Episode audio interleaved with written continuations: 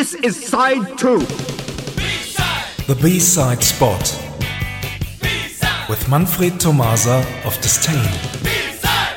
Good evening, everyone. Tonight we move on with the second part of our latest special. Did your life sound like a melody when you were a member of Japan's jet set and wanted to be forever young?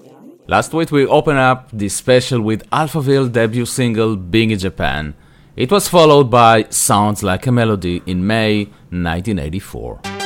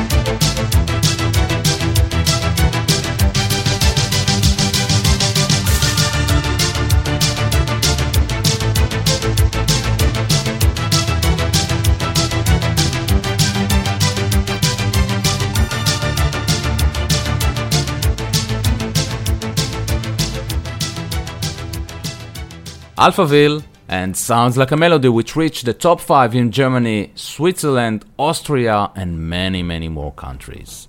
And like Big in Japan, the single contained an exclusive B side, the title The Nelson High Rise Sector 1 The Elevator.